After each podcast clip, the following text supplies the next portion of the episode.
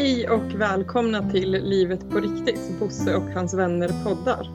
Idag får du lyssna på avsnitt 14 där jag, Sara Skog, gästspelar och ni får träffa Bosse Konrad himself.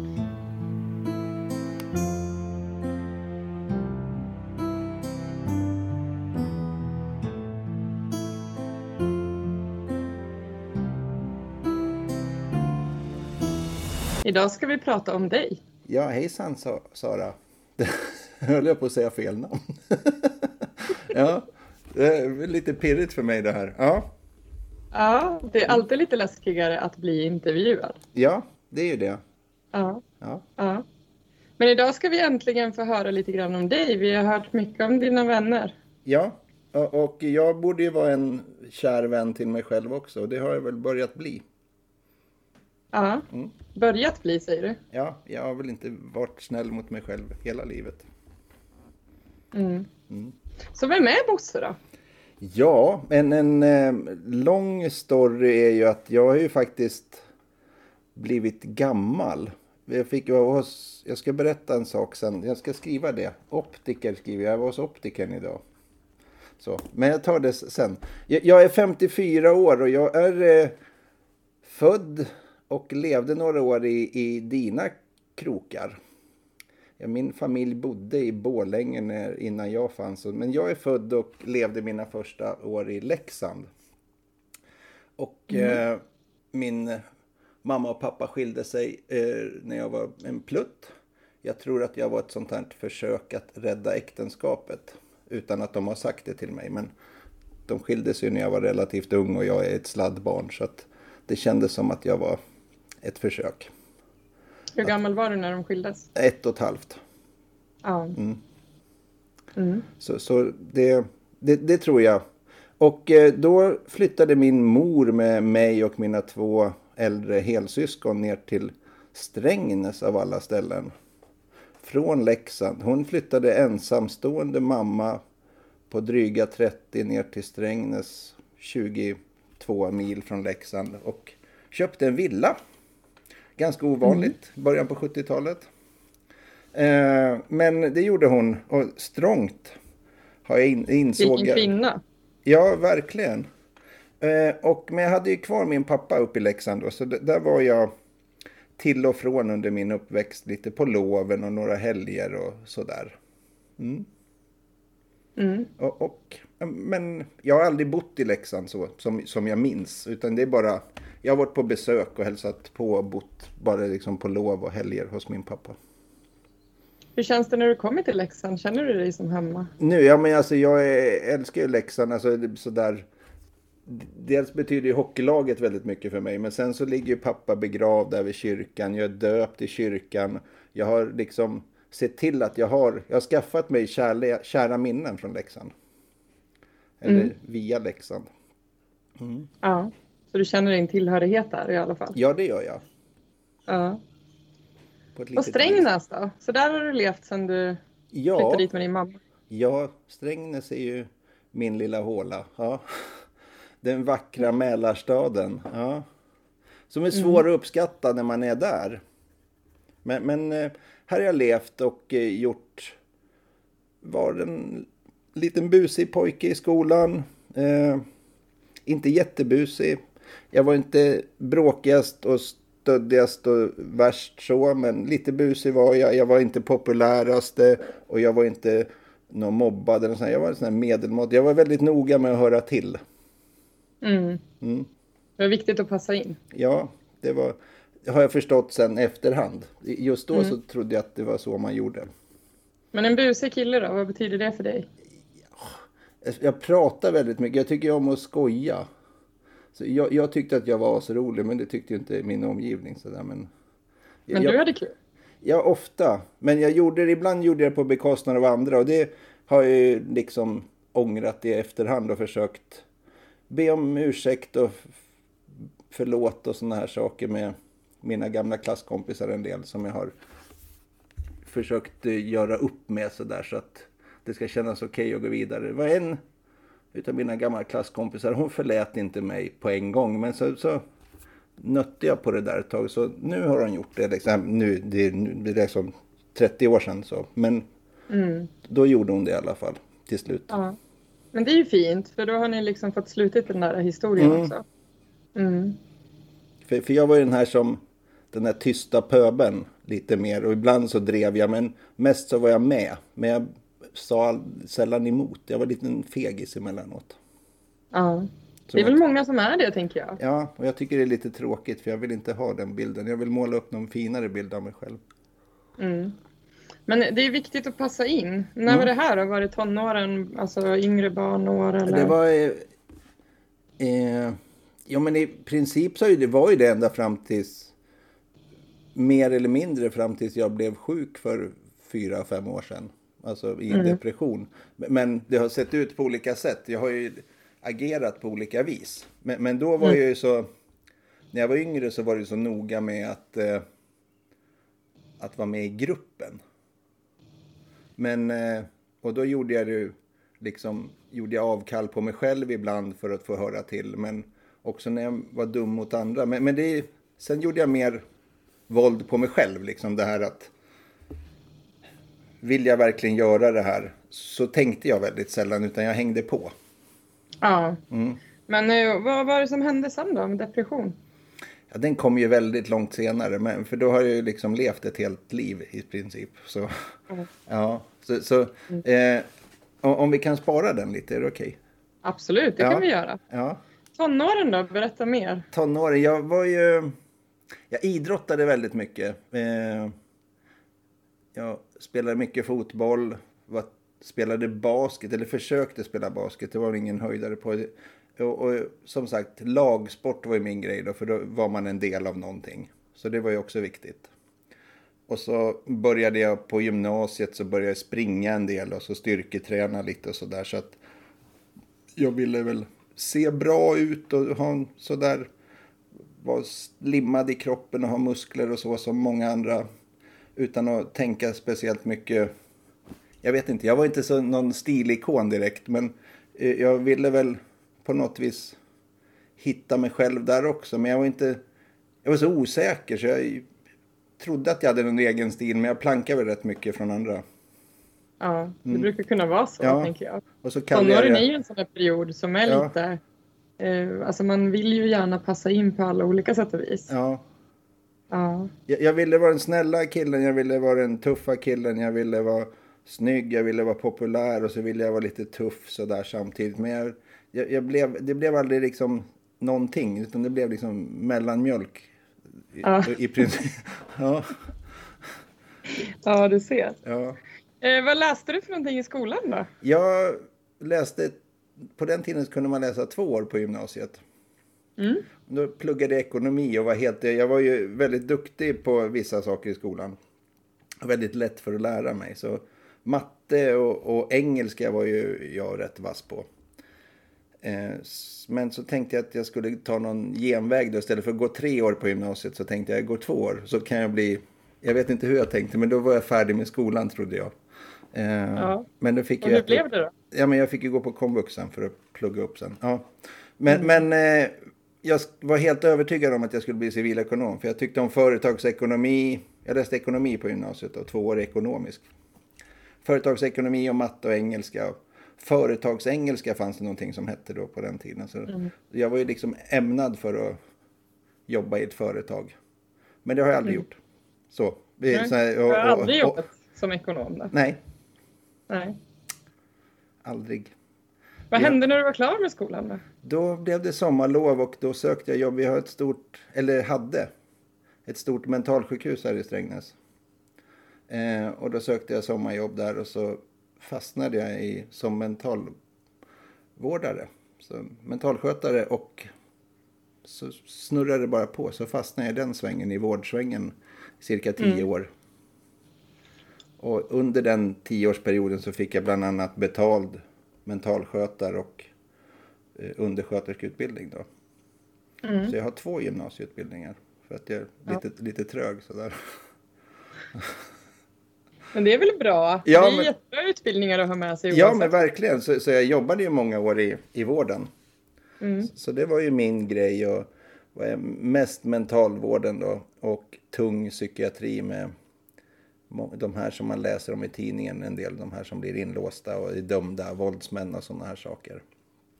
Mm. Eh, lite läskigt, men eh, ja, men, men, då märkte jag att jobba med människor var nog min grej.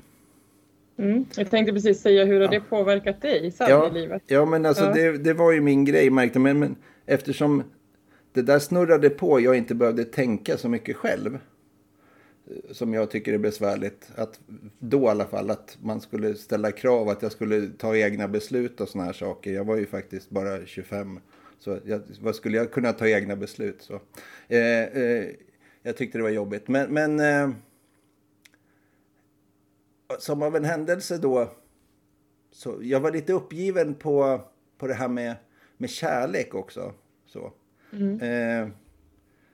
Eh, och sam, i samma veva så började jag konstatera att det här med vården är kanske inte min grej. Och så var jag lite uppgiven på det här, men jag kommer inte att träffa den rätta. Jag var ute och drack lite för ofta med mina ensamma vänner som också tänkte likadant, fast vi pratade aldrig om det för vi var grabbar. Och då pratade vi inte om sånt, utan då drack vi och så skojade vi bort livet istället. Vad party Bosse och hans vänner då? då? Va? Var det Party-Bosse och hans vänner? Ja, men lite så. Det, jag vet inte ens om det var party. Jag vet inte ens om vi hade roligt. Nej. Nej, vi var nog mer tragiska. Så. Men då när jag var där och var ute och partajade lite för mycket och, och tyckte lite synd om mig själv och ältade och så här. Då kom hon i vägen för mig, min kvinna som jag är gift med fortfarande, som 30 år senare. Ja. Som av en händelse. Och eh, då har vi konstaterat så här i efterhand att jag är hennes gas och hon är min broms lite grann i livet. Vi behövde det där för att få balans på varandra. Mm, ni kompletterar varandra. Verkligen. Och, och mm. eh, det var en del som höjde sina ögonbryn och tänkte att det där kan ju inte funka med de två tillsammans. Så. Mm. Men 30 år senare så, ja, vi kanske har överbevisat dem nu. Ja, det tror jag nog absolut. Ja, vi hade 30 år idag. 30 år, I, det är inte fy Det hade vi igår. Vår 30-årsdag igår. Mm. Då får man gratulera i efterskott. Ja, tack så mycket. Men, nej, men så, mm. så då när jag som mest behövde det så dök hon upp och då hade jag liksom lite gett upp på det här sökandet och det, då var jag väl mer lättillgänglig också så, för att då, då, var det liksom inget konstigt. Mm. Och då sökte jag också till komvux och kompletterade mitt tredje år på gymnasiet. Jag sökte till högskolan och började plugga till idrottslärare och eh, historielärare. Mm. Så liksom det där skedde liksom i, i ganska rask följd. Ja, och så blev jag pappa. Det var ju 30 år sedan då nästan ja. som du började plugga. Ja, precis. Ja. När blev du färdig idrottslärare då? 1900, och historielärare? 1997. Ja, du ser. Ja, det är rätt länge sedan. Ja. ja. Och, det har du jobbat med sen då? Ja, det har jag gjort. Ja, fast nu jobbar jag inte ja. med idrott och historia och engelska utan jag jobbar ju med, med, med, barn som har det lite mäckigt i skolan. De som har problematisk skolnärvaro och, av olika anledningar.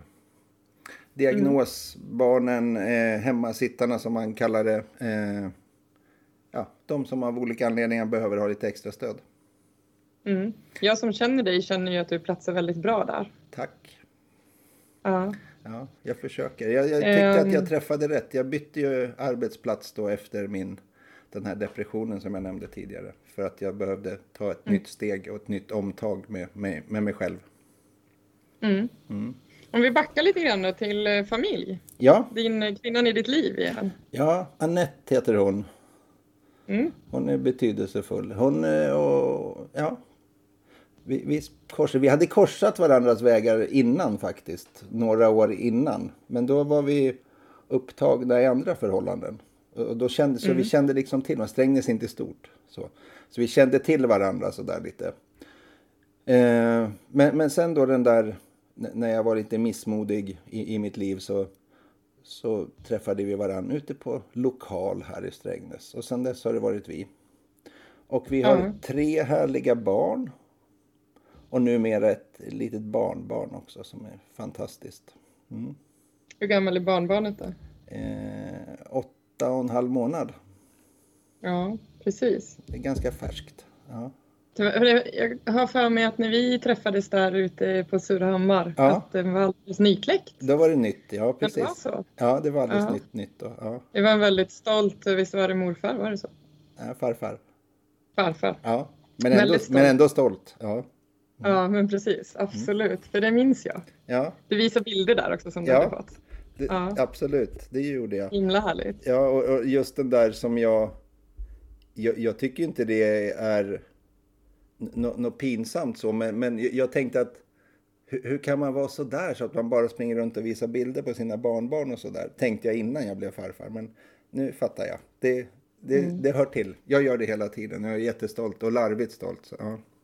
Ja, men det ska man vara. Barnet är ju, liksom, barn är ju livets krydda. Mm, verkligen. Sen Så- måste det ju vara ganska skönt när det blir barnbarn, tänker jag. För då kan man lämna tillbaka dem när det blir lite jobbigt också. Exakt. Så, Ja. så, så är det. Nej, men jag har tre härliga barn också. Adam, Samuel och Laura. de- Som är, ja, de har förgyllt mitt liv också, såklart. Mm. Hur gamla är de nu då? De är ju gamla nu. 28, 26 och 21 i år. Ja, fast det är väl ingen ålder egentligen? Nej, nej, det är det ju inte. Men eh, de, De, de, är utflugna. de är utflugna, ja. Så Ja. är det. Eh, och, Hur är Bosse som förälder då? Ja, jag är nog eh, ganska hönsig så. Mm. Omhuldande och, och vill... Eh, jag vill så väl. Så, så ibland så kanske jag blir lite för hönsig så. Men jag försöker släppa taget och sådär och, och, och jag vill ju att de ska få lyckas och flyga med egna vingar och sådana här saker. Men det jag har det mest, eller en sak som jag är väldigt stolt över, det är de här när de har hamnat i trubbel. Och sån här, ja typ en ungdomsfylla eller sån här tonårsfylla när de har varit ute och fladdrat. Så har de vågat ringt hem och bett om hjälp. Mm. Det, det är jag stolt över. Det ska du vara också. Det är Ja. väldigt fint. Ja. Bra. Ja. Ja. För, för det liksom känner jag ett... Inte för att jag önskar att alla tonåringar ska ut och dricka sprit och bli fulla, så här, men, men det känns som ett bra kvitto på att då vet man att när jag ändå gör bort mig så finns mina föräldrar där. Mm. Det är jättebra. Mm. Det, det gillar jag. Det är ett starkt kvitto. Sen så har jag fått många andra fina kvitton av mina barn såklart. Men, men det, det, det är en så tydlig grej som, som gör avtryck. Mm. Absolut. De Hur ber... skulle dina barn beskriva dig då? Ja, de tycker ju att jag är eh, lite jobbig. Jag har såna här pappaskämt. Eh, som, men det får jag ju ha eftersom jag är pappa. Eh, och, eh, och att jag pratar väldigt mycket och tar plats. Tror jag de beskriver. Men sen ändå att jag... Att man kan lita på mig. Att jag är, när det blåser och så, så är jag pålitlig. Jag ställer upp och jag, jag gör det för att jag vill och inte av någon annan anledning. Så lite dryg men pålitlig. Mm, precis. Det var väl ganska bra beskrivet. Ja, det, det var kort och bra. Ja. Ja. Eh, Din fru då, Annette, hur skulle hon beskriva dig? ja, oj oj oj. Lite samma, men, men hon, jag tror att hon skulle beskriva mig som eh, eh, den, eh, den trygga klippan på något vis som alltid finns där och man kan luta sig mot. Och, eh, eh, sen så har så finns det väl sprickor i den där trygga klippan också. Kan jag ty- tro att hon kommer att påpeka också om man synar det så. Men, men eh, den är inte fläckfri den där klippan kommer hon ju inte att beskriva det som. Men på det stora hela så är jag robust och pålitlig och, och den som hjälper henne att komma framåt och visa vägen i livet. Så kan jag tro att de skulle säga. Mm. Det är fint. Mm, jag tycker det. Jag tänker att även solen har ju sina fläckar. Ja, den har ju det har jag hört. Ja, Ja. Så det är väl klart det ska vara lite sprickor i klippan också. ja men precis. Och det, det har Ja. den ju. Ja. Har du alltid varit pålitlig och liksom robust så? Stabil? Jag har alltid funnits till för mina vänner, men jag har varit, inte varit något pålitlig för mig själv. Jag har, gjort, jag har gjort saker, men gjort avkall på mig själv. Mm. Berätta om kär- kärleken till dig själv då. Eh, ja, men den är så svår. Alltså, jag tycker om mig själv nu och nu kan jag lita på mig själv och att jag är värd att tycka om på, för min, min egen skull, liksom inte för mina gärningar och så vidare. Mm. Men, men jag var ju väldigt noga med att det skulle vara saker som jag hade gjort lite grann mer. Eller hur man såg ut, liksom lite mer sådana än insidan. Men jag, men jag har ju alltid fått höra att jag är väldigt snäll och, och, och så. Mm. Men, men eh, jag har inte haft det, det har inte kompat ihop riktigt med, med min självkänsla där att det, det stämmer nog inte riktigt. Jag har inte litat... Vad är det som inte har stämt då tänker du? Jag, vet det är för att jag inte har sagt till mig själv att jag är snäll och är värd att tycka om. Så, så då har jag liksom slagit bort det där när andra har sagt det också. Då har jag liksom inte tagit till mig det. Mm. Lite... Säger du det till dig själv idag då? Absolut. Och hur gör du då? Ja, men jag är, kör ju det på morgon till exempel så sa jag Hej Bosse, dig tycker jag om. Så där kan jag säga till spegelbilden. Så. Och sen har jag blivit väldigt bra på att skryta inom situationstecken. Så. Mm. Och hur låter det då? ja, men jag kan berätta vad jag är bra på. Och, och, och, mm. och, och mena det utan att det liksom är förmätet. Mm. Så. Vad tycker du att du är bra på? Ja, men jag är bra på att vara medmänniska. Jag är eh, rolig. Jag eh, kan laga mat. Jag har bra musiksmak. Ja, men jag har många positiva bra sidor. Och sen att jag kan välja bort och må dåligt. Det tycker jag är en bra sida hos mig numera. Mm. Är det som att det är ett val att välja hur man mår? Ja. Gans, ganska så mycket. Mm. Berätta mer. Ja, men eh, jag kan ju påverka mina... Det som händer, det kan, jag liksom, det kan jag ta till mig på olika sätt. Jag, jag kan ju förhålla mig till det, liksom, jag kan grotta ner mig. Oj, nu körde grannen sönder min bil. Och så kan jag liksom gå hem och gråta och hela livet är förstört. Eller så kan jag tänka, ja men vi fixar det, det går ju att köpa en ny bil, det är bara saker. Så kan jag liksom förhålla mig till det och det liksom är, eh, det bästa var ju att ingen gjorde illa sig och så. Mm. Och eh, jag är ju samma människa ändå fast bilen är trasig. Så, så, så, så kan jag tänka numera.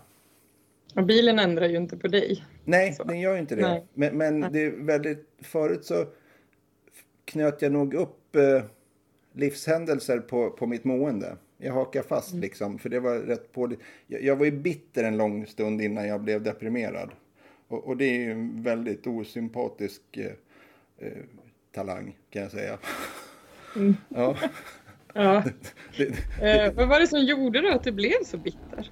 Ja, i en lång historia kort så jag fastnade i någon sorts eh, eh, väldigt mycket i att vad, vad heter det? När, när jag finns till liksom, när, vad heter det då? När man tar mig för given. Så. Mm. Och så lät jag mig och fastna i den follan. På min mm. arbetsplats mm. till exempel. Att liksom det här att, ja men Bosse är ju där liksom, även om det inte uttalas så hela tiden så, så det fanns där och, och jag gjorde ju så att det funkade också. Jag sa ju inte ifrån heller. Nej, det fanns en förväntan på dig ja, men som precis. du levde upp till. Ja, men precis. Ja. Vilket blev en sån här ond spiral då. Och, och, och det gjorde ju att jag till slut blev bitter och tyckte att ja, men ska det vara så, så gick jag och muttra på att folk var dumma och inte tyckte om mig och behandlade mig illa. Fast jag sa ju aldrig ifrån heller. Så det var ju liksom ett litet eget val, det här som vi var inne på nyss. Där jag kunde mm. ha valt någonting annat. Men kunde du det då just där och då, tänker jag? För att man gör ju efter sin bästa förmåga just där man är för stunden. Jag vet jag. inte om jag gjorde det då, efter bästa förmåga. Jag fann mig, jag, jag hittade ursäkter för att det skulle vara bra. Mm. Men jag vet inte om det var det bästa jag kunde göra egentligen. Nej. Nej, utan, men ursäkterna byggde jag på rätt bra. Mm. Jag hade i alla fall nära till jobbet. Jag, jag trivdes med mina jobbarkompisar. Och jag kunde det jag gjorde. Alltså jag hittade de här ursäkterna som gjorde att jag liksom skulle fortsätta i alla fall. Men mm. så gick jag där och var, var, var, bitter ändå. Men det var ju på mig själv jag var bitter. För mm. att jag egentligen ville göra någonting annat. Ja. Mm. Och, mm. och, det var... Jag gick ju och sa det till mig själv. Jag, borde, jag vill göra det här och det här någonstans. Och så målade jag upp saker. Men jag fick ju aldrig tummen ur arslet att göra saker. Så det var ju så.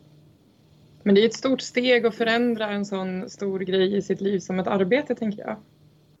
Ja, alltså på sätt och vis är det ju det.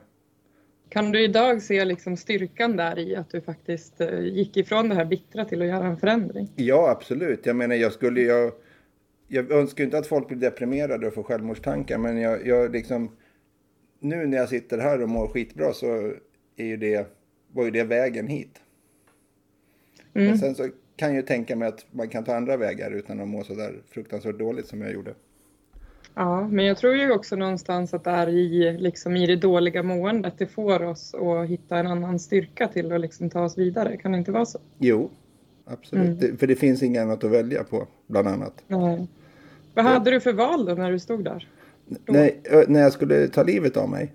Ja. Ja, jag, jag tyckte att... Ja, men jag tyckte att det var rätt smart att jag skulle ta livet. För jag var i vägen för alla andra. Jag, det var ju liksom en börda. Jag var ju liksom en jobbig sådär. Mm. Men, men så hade jag den här klassiska klyschan i bakhuvudet. Jag ville ju egentligen inte dö, men jag orkade inte leva. Mm. Det, det, var ju det det handlade om egentligen. Så, så de här jobbiga människorna runt omkring mig som petade på mig och jag tyckte det var jobbigt. Bland annat min terapeut och, och, några andra i min nära omgivning som liksom var, som jag tyckte var jobbiga. Men som egentligen var de som lyfte mig då eftersom de sa sanningar. Mm. Eh, de hjälpte mig kan jag säga. Mm. Vad är det bästa man kan göra då om man står där som närstående?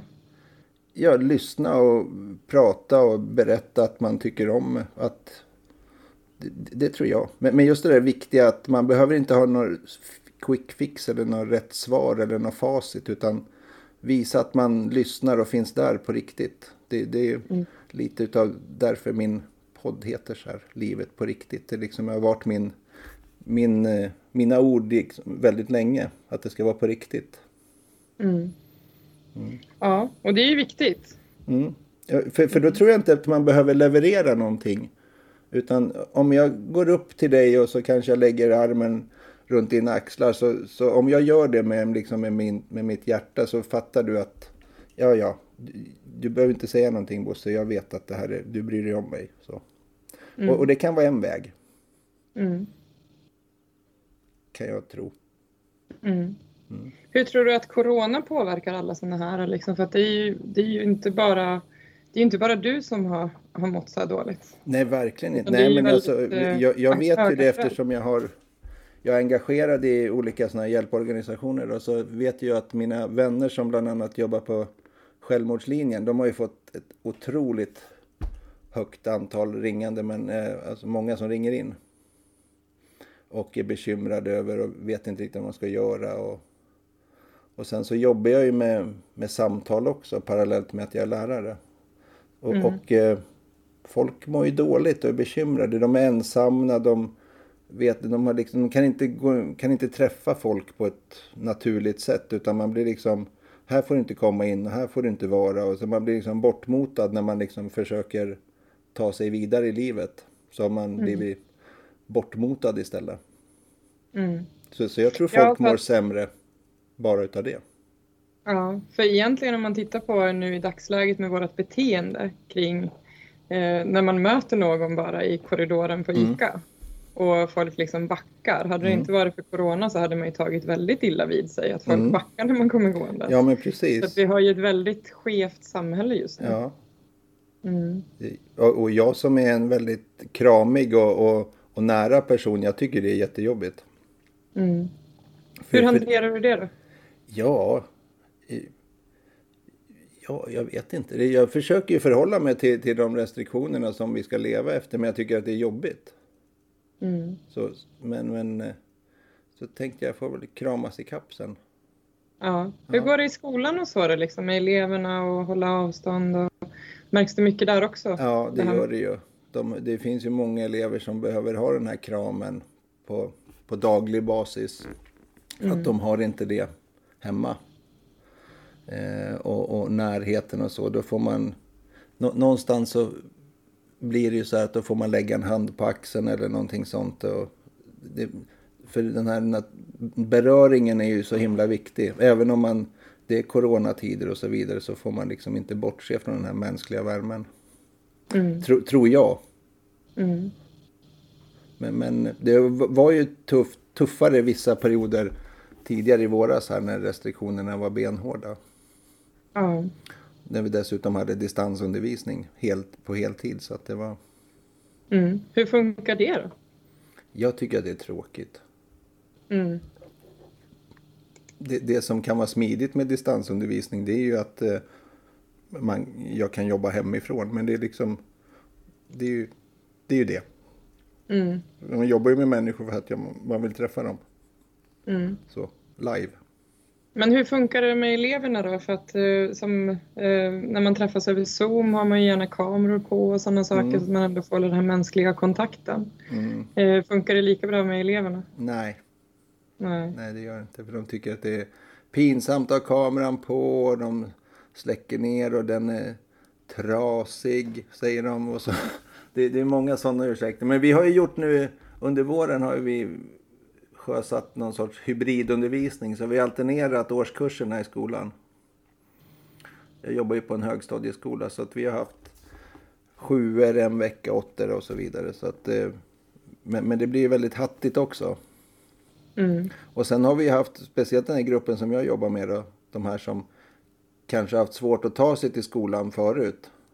Och så säger vi, nej du får inte komma hit nu. De har försökt locka dem till skolan, det blir helt bakvänt.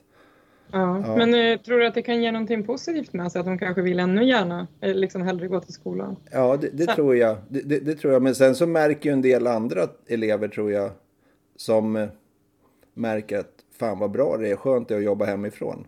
Så, så de kanske man tappar istället. Mm. Alltså i, i, i det tänket. Och, Ja. För det märker jag också på en del kompisars arbetsplatser där, där det finns en... Det kommer ju att struktureras om en hel del företag har jag förstått nu. Med att Mm. minska kontorsytorna bland annat. När folk kan Mm. turas om och jobba hemma. Ja. Spara pengar. ja, jo det blir nog mycket som kommer förändras Ja. framöver. Jag vet inte om skolorna kan göra det däremot. För jag tror att det finns ju en väldigt stor vinst att vara i skolan. Mm. Med, med social träning och, och alla sådana bitar. Mm. Det är ju viktigt att det kommer tillbaka så mycket som möjligt tänker jag. Mm, Mm. verkligen. Ja, men ditt engagemang då i eh, lite så här självhjälp och sådana saker, för jag har ju sett dig på tv bland annat. Mhm. Ja, Vill du ja, berätta lite mer? Då? ja, men tv det, det halkar jag ju med på för att jag tycker om att säga ja till bra saker numera. Nu säger jag inte ja, nu måste det gå in i mig själv och vända först innan jag säger ja till saker. Förut så kunde jag säga ja utan att liksom tänka så mycket på det och då gjorde det lite ont i mig själv. För att jag sa ja Mm. till saker som jag inte ville. Men, men jag, eh, när jag var ute och gick en av mina de här nätterna när jag var, nej kvällarna var det då. När, när jag var deprimerad och, och var sjukskriven. Så av en slump då så hade Suicide Zero en liten föreläsning, informationskväll här i Strängnäs. Mm. Och eh, då gick jag in där Mm. och, och satte mig längst bak så att jag kunde smita ifall det blev jobbigt. Det var riktigt stort steg att gå in där då. Ja, men tänka. det var det ju. Så, så, men, men, eh, och jag lyssnade då på en av de som har bildat eh, Suicide Zero och han pratade där och så märkte jag att det fanns så mycket mycket bra i den, i den här organisationen som gjorde att man, man kan få, få hjälpa till. Hjälpa andra som mår dåligt. Så, så det, där såddes ett frö redan då liksom att eh, det, det här vill jag engagera mig i. Så då gick jag hem efter den där kvällen och så kollade jag upp saker på nätet. Jag anmälde mig som volontär. Etc, etc. Och nu är jag utbildare och föreläser i, inom Suicide Zero också. Så att, och, Mm. och, och det är spännande. Och då, han som är generalsekreterare nu då, Rickard, han frågade om jag ville vara med i tv och berätta lite om hur det var att må dåligt. Så därav såg du mig i tv då, för ett Mm. tag sedan. Ja. Det är ju en väldig styrka att kunna gå ut och berätta om en sån här sak i tv också tänker jag. Mm. Men, men egentligen så tycker jag att det borde ju inte vara det, för det är liksom inget konstigt att berätta att man har brutit benet eller någonting sånt. Nej, och sen är det ju så att du vill ju att det ska vara på riktigt. också. Ja, precis. Verkligen. Mm. Mm. Och, och, och jag menar, jag hade ju, om man nu ska kategorisera. Jag hade ju stukat hjärnan. Jag, var, jag, hade, ju, jag hade ju ont i, i hjärnan. För att mm. det var ju den som var lite... Men, men, jag märkte det när jag var sjukskriven. En del hade ju svårt att förhålla sig till det. Ja. Jag, är, jag är inte så superkänd i Strängnäs, men jag är inte någon okänd figur. För jag har figurerat liksom i skolans värld jättelänge och jag har varit med som idrottsledare här i Strängnäs jättelänge. Så när jag mötte folk på stan så var det en del som frågade ja, men hur är det, jag har hört att du är sjukskriven och så vidare. Så, sen var de inte riktigt beredda på att jag skulle svara att det var piss och skit liksom.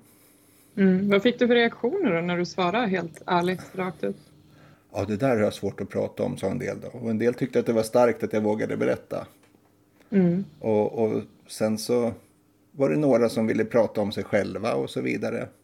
Och det var inte jag riktigt beredd att ta emot när jag själv mådde dåligt. Men, men sen i efterhand har det varit ganska inspirerande när folk, såna här halvkompisar till mig kommer och knackar mig på axeln på stan här i Strängnäs. Du, jag måste få prata med dig Bosse och sådär. Så att det, det, då ställer jag upp på det. det tycker, för det är mm. behjärtansvärt. Mm. För det är många som har en story. Ja, alla sitter ju på sin egen story. Mm, verkligen. Mm. Mm. Det här med att på riktigt och liksom normalisera det dåliga måendet också, vad tror du kring det? Ja, nej men alltså det ska ju inte vara något konstigt. Men, mm. men, men, men det, det, borde ju inte vara det. Men, men, men, det är ju fortfarande tabu det här hur man säger att man, man jag är deprimerad så. Och jag har brutit benet liksom. Det, man, man, man har inte sin jag har en depression skulle jag vilja liksom att man vänder lite på språket här också, att man tänker så. Mm. Mm. Ja, för man behöver ju inte vara det nej. som man känner. Nej, nej. och jag är ju inte mitt benbrott. Nej, och du är ju inte din depression Nej, heller. precis. Utan det finns mm. ju någonting annat. Även om när man blir skruvad i huvudet sådär. Jag märkte att jag blev ju till viss del lite personlighetsförändrad när jag mådde dåligt. Och, och, och vilket det var, sätt märktes det? Jag, jag, det märkte jag inte då. Då tyckte jag att jag var smart och rationell. Men så här, när jag tittar på det i efterhand så tänkte jag så konstiga tankar. Och jag tyckte att jag var rationell och smart. Bland annat det här hur, hur jag skulle göra när jag skulle ta livet av mig. För att jag skulle skona så många som möjligt. Men samtidigt så skulle jag ju försvinna. Mm. Så jag kunde inte köra sönder bilen för det skulle vara taskigt mot Annette. Då behövde hon köra sönder, köpa en ny bil till exempel. Och jag tyckte ja. att det var så smart att tänka så. Mm. Vilket är ganska korkat egentligen. Ja, hon skulle ju inte bry sig alls i den där bilen. Nej, men precis. Nej. Nej. Mm. Men, men, men jag, jag, vet att jag tänkte att det är ju smart att tänka så. Mm. Och, och, och, sen att jag fick sociala fobier. Jag bytte sida på gatan. Jag var ute och gick på nätterna för att jag skulle slippa träffa folk och så vidare. Eh, mm. jag grät stora floder liksom helt bara så här när som helst. Mm. Och, och, I och för sig är jag en gråtig människa men jag har ju oftast någon anledning att gråta. Mm. Sådär, någon påtaglig anledning i alla fall. Mm. Men, men eh, då, då, bara kom det sådär. Mm. mm. Men det var säkert bra tror jag att du fick ur dig de här känslorna också. Så. Ja, ja men absolut, Nå, någon mm. nytta har det ju gjort, verkligen. Mm. Men jag tror att det är synd, eller jag tycker att det är synd att man ska må så dåligt för att man ska kunna fatta smartare saker. Ta mm. smartare mm. beslut i livet. Mm. Så när egentligen började du säga ja till dig själv? Ja, men alltså jag... Det blev ju inte bara så här en handvändning utan jag hade ju börjat med det. Även den, under den här bittra perioden i mitt liv. Mm. Så, så, många saker, jag, jag har liksom inte gått omkring och varit bitter och inte förverkligat mig själv på något vis. Utan jag har ju gjort saker, jag har ju skaffat familj, jag har ju varit elitidrottsledare, jag har haft fotbollslag, jag har varit ute och rest, jag har gjort spännande saker och, och så vidare. Så jag har ju gjort massa fina och bra saker, absolut. Men, men just det där att lita på att följa hjärtat egentligen lite mer. Mm. Det har jag inte vågat gjort förrän egentligen efter den här depressionen. Mm. Och jag tycker det är lite, ibland så kan jag bli lite sur på att det kom så sent, men det kanske inte var moget innan. Nej, jag tänker så också att jag menar, mm. någonstans så gör man ju sitt bästa där man är. Av det man kan just då. Ja, men det kanske är så. Mm. Jag tror inte vi kan pusha oss fram till att liksom, det ska vända utan Nej. Nej alla men, har ju sin egen väg och sen hamnar man ju någonstans efter livets gång i svårare perioder av olika slag. absolut, så är det ju. Mm. Ja, men jag har ju inte levt något dåligt liv. Mm. Det, det har jag ju inte gjort, utan jag har ju levt ett bra liv. Ja, det låter ju så. Det är väldigt mycket erfarenheter också. Ja, men absolut. Jag har ju gjort massa med roliga och bra saker. Så, Mm. så, så det är liksom inte att jag... Jag, har inte, jag saknar ju ingenting så egentligen, förutom att jag skulle börja tycka om mig själv ordentligt lite tidigare. Jag har inte tyckt illa om mig själv. Jag, så. Men, men jag Mm. inte... Jag har inte varit jättesnäll mot mig själv hela vägen. Nej, det brukar väl oftast vara sig själv som man inte är snäll emot Mm. också. Mm. Lite självutplånande så. Mm. Men eh, idag så älskar du dig själv. Mm. Du vågar älska dig själv. Jajamän, Ja, det är, härligt. det är ascoolt. Ja. Ja. Och hur har det förändrat dig då? Ja, men jag gör ju massa saker nu som jag tänker att... Eh, ja, men lite såna här Pippi Långstrump-grejer. Det här har jag aldrig gjort så det klarar jag säkert av. Ja. Mm. Den är ju härlig. ja. Det, Ja, det, I vilka situationer kan det vara så? Nej, men det här med att ut och föreläsa om eh, det här med döden. Jag, jag, nu har jag inte fortsatt så mycket på det, för det, det kommer jag få höra så här efter. Men jag köpte en gitarr och skulle lära mig spela gitarr. För, för jag har liksom haft jättetaskigt självförtroende när det gäller instrument. Så det gjorde jag för något år sedan också. Nu, nu hänger den i och för sig rätt mycket. Men, men det, det var liksom det här att jag gjorde det. Det, det var det, det stora steget. Jag, jag skriver och publicerar lite dikter. I och för sig under pseudonym, men ändå så. Ja. Mm. Än, än så länge. Ja, Ja, men du har en liten plan på att sätta dit ditt namn sen? ja det, det kanske kommer så småningom. Ja. Ja. Eh, Men ja, lite sådana saker. Och sen det här att eh, jag bytte yrke efter eh, 18 år på samma arbetsplats. Mm. I och för sig är jag lärare fortfarande jobbar med barn och ungdomar. Men jag jobbar med de här, de här, de som här har lite mer problematik och så vidare. Mm. Jag eh, lever numera ett nyktert liv. Även om alkoholen i sig inte var den största biten till att jag mådde dåligt förut. Men, men att vara utan den gör att det blir bättre. I alla fall. För- att det, den tog mycket av min tankeverksamhet. Jag var med i Ja. en whiskyklubb, jag tyckte om att dricka öl. Jag hittade många ursäkter för att dricka. Jag var inte jättefull speciellt ofta, men jag, jag drack väldigt ofta. Mm. Så.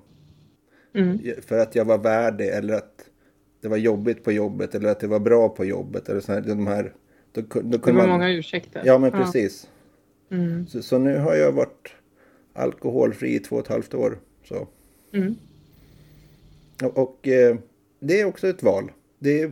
Det känns ganska skönt. Och sen har jag också den här att jag inte behöver vara till lags. Till, lite mer fuck off till de som inte gillar mig. Det, det spelar inte så stor roll längre. Ja. Är det många som inte gillar dig då? Eh, Men, ja, men det skiter jag i just nu. Jag vet, jag vet faktiskt inte. Förut betydde det jättemycket för mig. Men det gör det inte nu. Nej, vad Då- betyder det för dig vad folk tycker om dig? Alltså vilka som tycker om dig och vilka som inte gör det? Ja, men alltså, de jag tycker om och älskar jättemycket, de vill jag, de, det känns ju behagligt att de tycker om mig. Mm. Men, men sen de här andra som inte gör det, då, det får ju vara deras val. Mm. Jag försöker ju vara den bästa människan för mig. Mm. Så. Och, och, och sen så de som... Ja. Ja, men det, det är inte lika jobbigt. Förut om folk sa något illa och tyckte illa om mig så försökte jag ändra på mig själv. Ja. Mm. Och hur blev resultatet då? Det blev bajs och pannkaka. Ja. Ja. Mm. Dumt ordval av mig, dumt ordval av mig att säga bajs och pannkaka. För, för pannkaka är ju gott. Ja, Jag menar bara smeten, att det blev så. Ja. ja det är lugnt. Ja. Det? Var väl en bra beskrivning. Nej, att försöka vara andra till lags det blir ju kanske sällan så bra mot sig själv. Nej. Nej, men just det där att jag gjorde avkall på mig själv för att det skulle alltså, måla upp någonting som inte fanns. Mm. Lite luftslottsbyggande så. Ja. Och så kom det inte från hjärtat. Det var inte på riktigt. Men nu är det på riktigt. Nu får man liksom... Det här är det man får. Och och det är tydligt. Mm. Mm. Och det är väldigt mycket mer genuint också såklart. Ja, men det tycker jag. Mm. Det, det är mer behagligt för, för alla, tror jag egentligen. Mm. Eh, Din familj då? Eh, Dina barn och din fru och så här. Hur ser de på skillnaden på Bosse? När han börjar säga ja till sig själv och Ja, älska sig själv. ja jag, jag vet inte riktigt. Det, det... Ja, men jag, jag gjorde ju såna här flera olika val. Det här att jag slutade som id- elitidrottsledare lite innan jag gick in i den djupa depressionen. Och jag... Eh, ja. Och, och jag började tänka på att byta jobb. och jag gjorde en stor operation och var sjukskriven längre. Så, så liksom, många av de här bitarna liksom blev... Det hände rätt mycket samtidigt. Eller under något års tid där. Så, så att det, blev någon sorts förvandling i, genom... Ja, jag vet inte om det är så stor förvandling. Det är bara att jag är tydligare tror jag. Mm. I, I grunden är jag ju för jag har nog kunnat varit ganska mycket ärlig i, inom hemmets fyra väggar i alla fall. Mm. Så, så, så jag tror att just barnen och, och, och frun har ju sett de här braiga sidorna av mig ganska tydligt förut Mm. också. Det, det är bara att jag inte har fattat dem. Ja, Mm. alldeles säkert är det så. Ja. Mm. Vad heter det utåt då? Har du fått några kommentarer utifrån? Ja. Det är mycket ryggdunkningar. Eh, Det här att jag är modig, att jag är bra, jag är betydelsefull och, och så vidare. Det här att jag är en vägvisare eh, för, för det här att det är viktigt att må bra. Mm. Och, och, och det, det, det, det är helt fine. Det är klockrent. Det känner jag, det är fint. Det är ju väldigt fint att få det. Ja. Mm. Och, och jag söker inte sånt som jag kanske gjorde förut. Så. Mm. Så, så jag vet faktiskt inte riktigt. Men, men just de där folk som upp, uppskattar att jag är jag, det är ju väldigt fint. Tycker jag. Och, och, och att folk vill bolla saker med mig om sina egna liv. Det, det ser jag som en härlig förtroendeförklaring. Mm. Absolut. Så, så, så, så det är jag väldigt nöjd med. För då är jag tydlig. Mm. Ja, men Bosse, du har alltså varit gift i 30 år nu. Ja, jag har varit tillsammans med Anette i 30 år. Ja, 30 vi har ba, vi bara varit gifta i 10 år. För vi var såna här som Det vi... inte så bara. Nej, men, alltså, men vi har inte varit gifta hela tiden. Men vi gjorde en sån en, en praktisk borgerlig vigsel för 10 år sedan. Så, ja. Mm. Ja. Smidigt ifall om vi... Men alla pappersgrejer är smidigare om man är gift. Så är det ju. Mm. Men eh, 30 år med Anette i alla fall. Mm -mm, verkligen. Mm. Eh, och då blir jag och funderar lite grann. Hur gammal är du Bosse? Jag är 54. 54? Ja, Ja.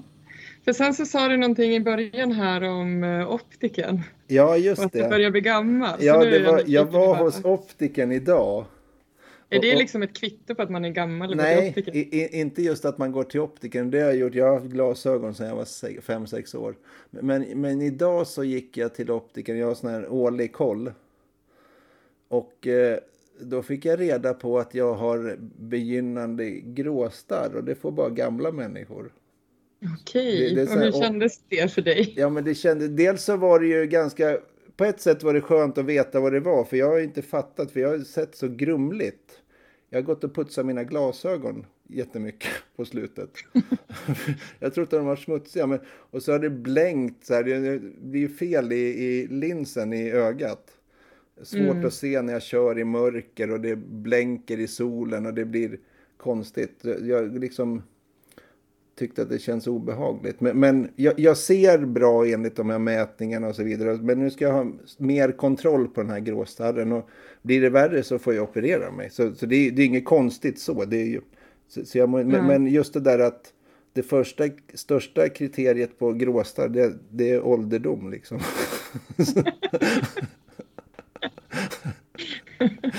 Ja, Så, ja så, du så, ser. den var lite jobbig att ta till sig bara. Men, men jag kan leva med det. Men Ja. Nu när jag vet vad det är i alla fall så behöver jag inte gå och putsa brillorna hela tiden. Nej, det blev nästan som en liten tics liksom Ja, Ja, men jag, jag vet, men då skiter jag så här liksom. Men det är ju det är linsen som är smutsig. Så att, eh, Ingen hade renare glasögon än dig. ja, jo, det, säkerligen. men, men de var mer putsade än vad det har varit genom alla andra år. Ja, jag förstår. Mm. Men apropå ålder då?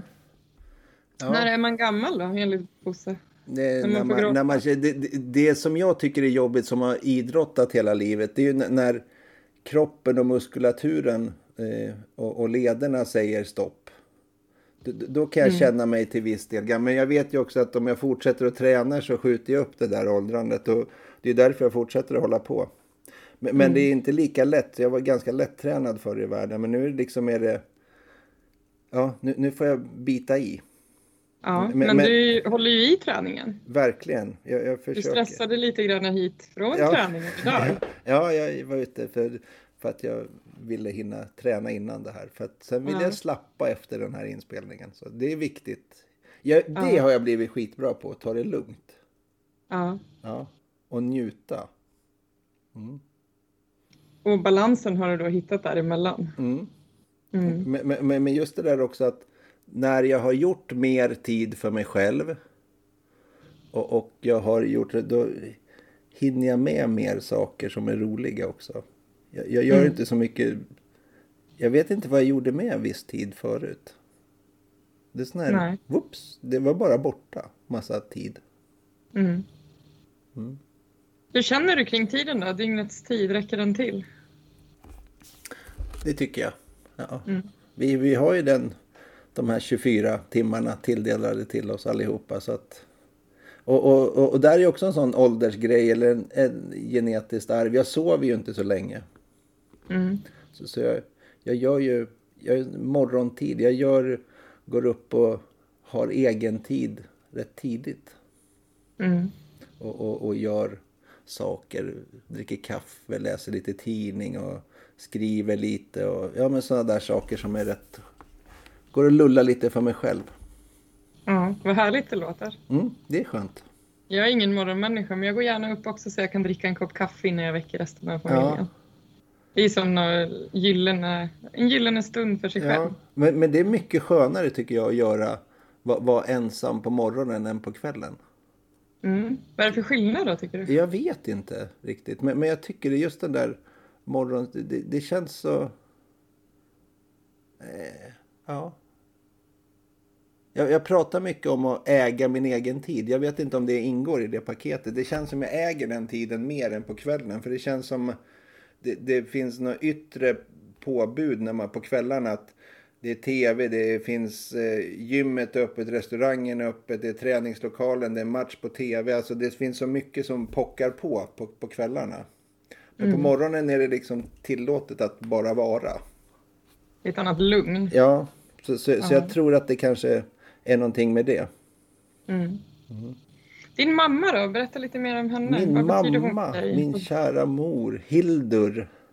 Mm. Mm, ja, vi, vi, det har ju varit en... eh, Jag ska inte säga att det har varit en kamp, men jag har haft eh, henne där eh, vid min sida väldigt länge. Jag, jag, ville, jag trodde att jag var färdig och, och vuxen liksom när jag var 15. Så jag var lite bråkig, ganska bråkig tonåring och gjorde revolt och ganska opportunistisk och så vidare. Så, så, men efter att jag flyttade från min mor och min, min plastpappa då, eller gummipappa eller vad man, bonuspappa eller vad man nu säger. Så, eh, när jag var 18 så, så har det det har inte varit en dans på rosor min, min relation med min mamma hela tiden. Men hon är, hon är nog eh, rätt, eller jag är nog rätt lik henne rättare sagt på vissa punkter.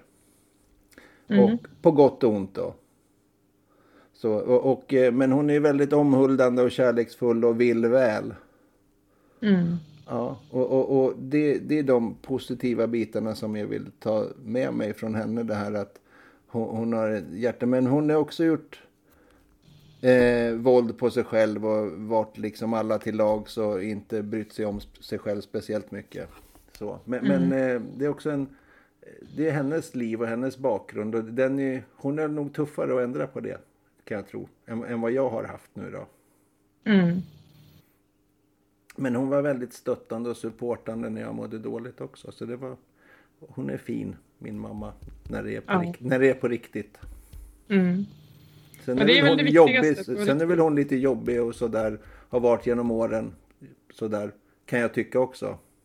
För Mm. även om jag nu är 54 år så jag berättade i början att jag är sladdbarn. Jag är ju lilla plutten liksom fortfarande fast jag är 54 år. Så att det, ja, Mm. det, det är både gulligt och lite jobbigt som... ja, Ja, jag kan tänka mig det. ja, Mm. Så är det. Ja. Men 54 år hur känns det att bli äldre då? Ja, ja men det, det känns spännande. Jag har massor att, att göra. Jag tycker det, det tycker jag att det... Att åldern i sig spelar inte så stor roll, men det, jag vet liksom inte... Jag vill ha mer. Det är nog det. Eh, Men det kan jag se till att, att skaffa mig, tror jag. Men man vet ju inte när man trillar av pinn, så det är rätt bra att ha, göra bra saker hela tiden. Och, och det Mm. försöker jag göra. Mm. Ser du fram emot att bli äldre då? Jag vill bli pensionär. Jag vill, jag vill vara ledig. Ja, vad skulle du göra, eller vad vill du helst göra när du är pensionär? Så? Ja, men jag vill, eh, ja, men det som jag var inne på, lite där äga min tid. Ja, men gå, gå på någon konsert, sticka ut och träna, lulla, laga gott, god mat, hänga med Anette och liksom, ja men sådär, köra på liksom lustbetonad tillvaro rätt mycket. Mm. Det tror jag att jag skulle kunna må bra av. Men, men Ja. samtidigt så, jag kommer ju inte bli sysslolös tror jag.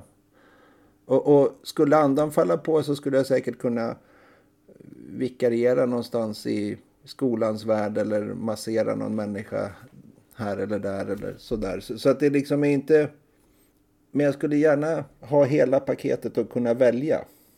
Mm. Men nu, nu är jag ju liksom den här att det behövs ju mat på bordet. Mm. Och, och det kostar ju pengar. Så det, lite den här att även om jag trivs på jobbet så, så är det ju liksom om jag kunde välja så skulle jag kanske välja bort att jobba. Mm. Ja, till mer fritid. Mm. Jag känner ju en del pensionärer som tycker liksom att de har aldrig haft så lite tid Nej, men de blev pensionärer. Precis. De är helt fullbokade. Ja, hur Ja. går det ihop då tror du? Ja, jag vet inte. Det finns... De är för bra pensionärsföreningarna. Jag hann mycket mer när jag jobbar, säger de. ja, men det, det, det är jättekonstigt ju. Ja. Ja, Kan det vara att man prioriterar tiden annorlunda? ja det tror jag definitivt. Ja. Ja. Mm. Och, och, och, sen just att man tror att man hann mycket mer, men det var ju också för att man inte var lika organiserad då när man jobbade. Mm. Man, man var inte med i, i och spela boll och bridgeklubben och man åkte inte på de här resorna och man träffade man inte den här fikaklubben eller hundgruppen eller simma på lördagsmorgnargruppen eller något sånt här. Så att det, jag märker på min mamma, även om hon inte är den mest aktiva pensionären så har hon ju att göra. De ska ju ut och gå, de ska fika och de ska käka och de ska och så vidare. Och så ner och skvallra lite på stan och så vidare. Även fast min mamma säger att hon inte skvallrar. Och så, men, ja. Gör inte alla deras skvallrar lite? Jo, jag tycker det är ascoolt. Jag, Ja. jag är ju jättenyfiken. Jag, det skulle jag kunna göra. Jag skulle kunna sitta på ett fik i flera timmar och glo på folk. Och, och, och, och. Det, det, det är en sån hobby. Mm. Och sen så har jag en sån här som jag tror att många kan se i, i speciellt oss gubbar. Då, att man står med händerna på ryggen och tittar på något vägarbete eller på något husbygge. det, det, sån, Är det du det? Ja, det, det är jag. Ja, men det låter härligt. Att vara i nuet. Ja, precis. Och så står man där och så kuckelurar man lite och så tittar man. Ja. Så går man dit någon dag senare och säger jaha, nu har jag fått upp en vägg här. Och så, ja. Ja. Ja. Är du bra på att vara i nuet? ja, men nu är jag det. Numera är Mm. jag det.